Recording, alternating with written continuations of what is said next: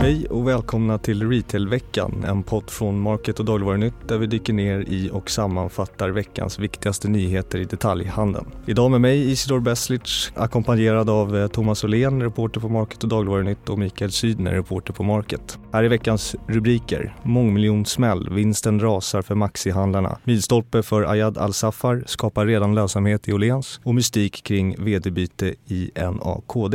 Och vi ska börja i dagligvaruhandeln, närmare bestämt hos marknadsettan ICA. Dagligvarunytt kunde i veckan exklusivt presentera de senaste ekonomiska siffrorna för samtliga ICA Maxi-butiker. En unik kartläggning som gett eko också utanför branschen och uppmärksammats i bland annat Dagens Industri. Thomas Åhlén, du har samlat in och sammanställt alla bokslut och nyckeltal för bolagen bakom landets Maxi-butiker. Hur blev 2022 för ICAs stormarknadsprofil? Ja, men det blev totalt sett ett eh, ganska svagt år. ICA-gruppen berättade ju redan i början av eh, det här året hur försäljningsutvecklingen hade varit för sina fyra profiler och eh, under rubrikraden ICA Maxi då så redovisar de även eh, specialförsäljningen. Men det vi visar i vår kartläggning det är ju försäljningen för varje butiksbolag.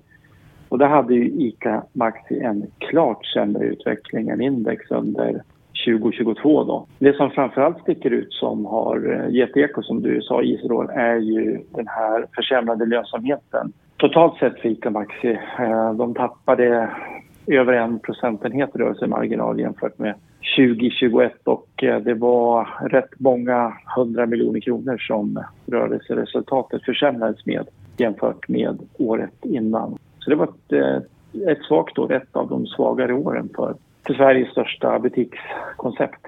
Och vad ligger bakom det ekonomiska tappet? Ja, men hushållen har ju blivit, eller ja, blivit tvungna att vara mycket mer prismedvetna senaste, vad ska vi säga, ett och ett halvt åren. Det får korrigera mig Isidor om jag missar med någon månad, men det var ju i, på vårvintern 2022 som priserna började accelerera i dagligvaruhandeln och eh, många hushåll förflyttade ju sina inköp då till så kallade lågpriskedjor framförallt eh, Willys då och Lidl som når 6 av 10 respektive 5 av 10 svenska hushåll.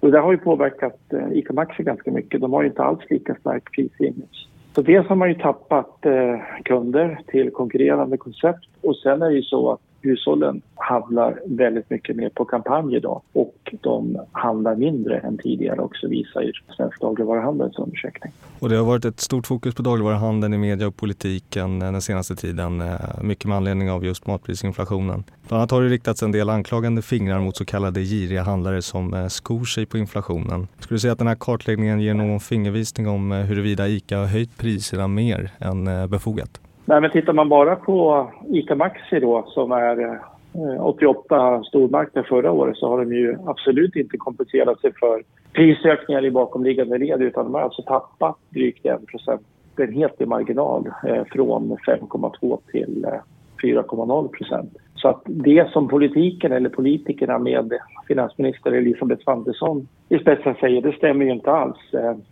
Tidigare på torsdagsmorgonen höll Svensk dagligvaruhandel ett eh, webbinarium som visade att eh, priserna har stigit mycket, mycket mer i bakomliggande led och rörelsemarginalerna ligger ju på en helt annan nivå än i, i dagligvaruhandeln. Det, det är ju gigantiska skillnader. SCB-siffrorna visade att eh, rörelsemarginalen sjunkit från 3,5 till 1,7 procent och det ser man ju i den här granskningen av eh, ICA Maxi också att eh, marginalerna sjunker och vi kommer ju att visa det i kommande granskningar också i Dagligvarunytt och eh, på Market.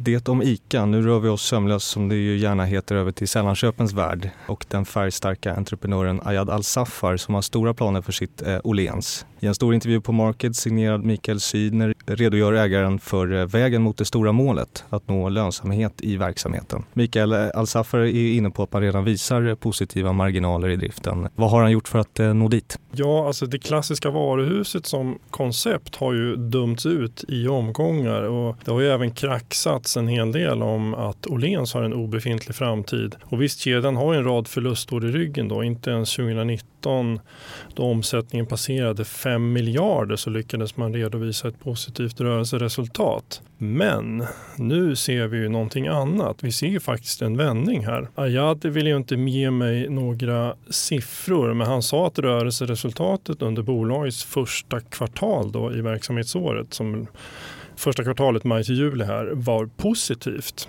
Sen log han lite och så ville han inte säga så mycket mer om det. Men han var oerhört avslappnad i den här frågan och eh, poängterade att han har aldrig varit orolig för just lönsamhet. Och katastrof är ett ord som eh, Al-Safar återkommer till eh, och kanske särskilt då när han pratar om bolagets tidigare ledning. Vad är det han menar att, att de har gjort fel? Ja, han har varit kritisk till en, en, rad saker men främst har han varit kritisk till att det har stängt så många varuhus då och menar att bolaget har mest varit byggt för att just lägga ner varuhus och istället driva e-handel. Men han har även varit kritisk till hur hela logistik och, och varuförsäljningen har, har sett ut, då, vilket han har jobbat jättemycket med eh, det senaste året. Då. Från inköp till att produkten lämnar kassan i varuhuset. Då. Han lämnar absolut ingenting åt slumpen. Han, han är alltid med på inköpsresorna och, och han är en riktig handelsman som, som är ute och förhandlar och det ger resultat. Och 100 varuhus på sikt är beskedet att, eh, att man vill nå. Mm. Eh, idag finns 47.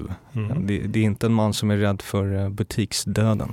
Nej, nej, tvärtom. Han skrattar nästan åt hela den diskussionen och tror stenhårt på den fysiska handeln. Han, han ska tillbaka till landsorten och till de platser där, där kedjan tidigare har funnits. Då. Han menar att alla städer är möjliga. Och han menar på att, eh, när jag frågar honom vad, vad talar för att det här kommer att lyckas? Då? Ja, det finns liksom bara ett Åhléns. Vi skapar ett varuhus som har allt, som ska förnya sig hela tiden och vara angeläget. Och, eh, han pratar om att det här ska vara som att kliva in i en godisbutik. Och det blir intressant att se om eh, Ayad Al-Safa lyckas hålla i trenden för Åhléns. Lite mer svart på vitt får vi kanske i november när eh, bokslutet möjligtvis blir tillgängligt. Eh, ett bokslut som Market självklart kommer bita tänderna i. För den som inte läst intervjun med Åhlénsägaren så ligger den som sagt och väntar på market.se. Men nu vidare till något annat, nämligen e-handlaren NAKD som i veckan eh, meddelade att veteranen Oskar von Konov lämnar bolaget och sin post som tillförordnad VD. In kommer istället, ja, vem då egentligen? NAKD levererade veckans stora hemlis när man berättade att en ny VD tillsatts utan att avslöja vem det handlar om. Säger man A så får man säga B, eller vad säger du, Mikael Sidner?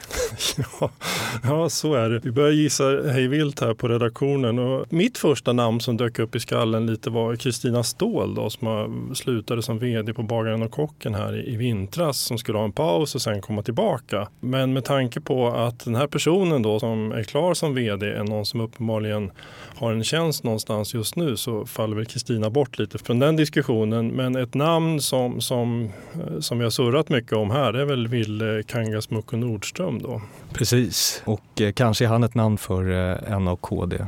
Ja, han sa ju upp sig här från Bubbleroom i våras och var redan då hemlig med vart han skulle ta vägen. Eh, och nu hade ju han sex månaders uppsägningstid men nu har ju Bubble fått en ny vd så att det är möjligtvis att de har släppt honom i förtid och att han faktiskt börjar nu den 1 oktober. Och hur det blir med den saken får vi helt enkelt eh, återkomma till.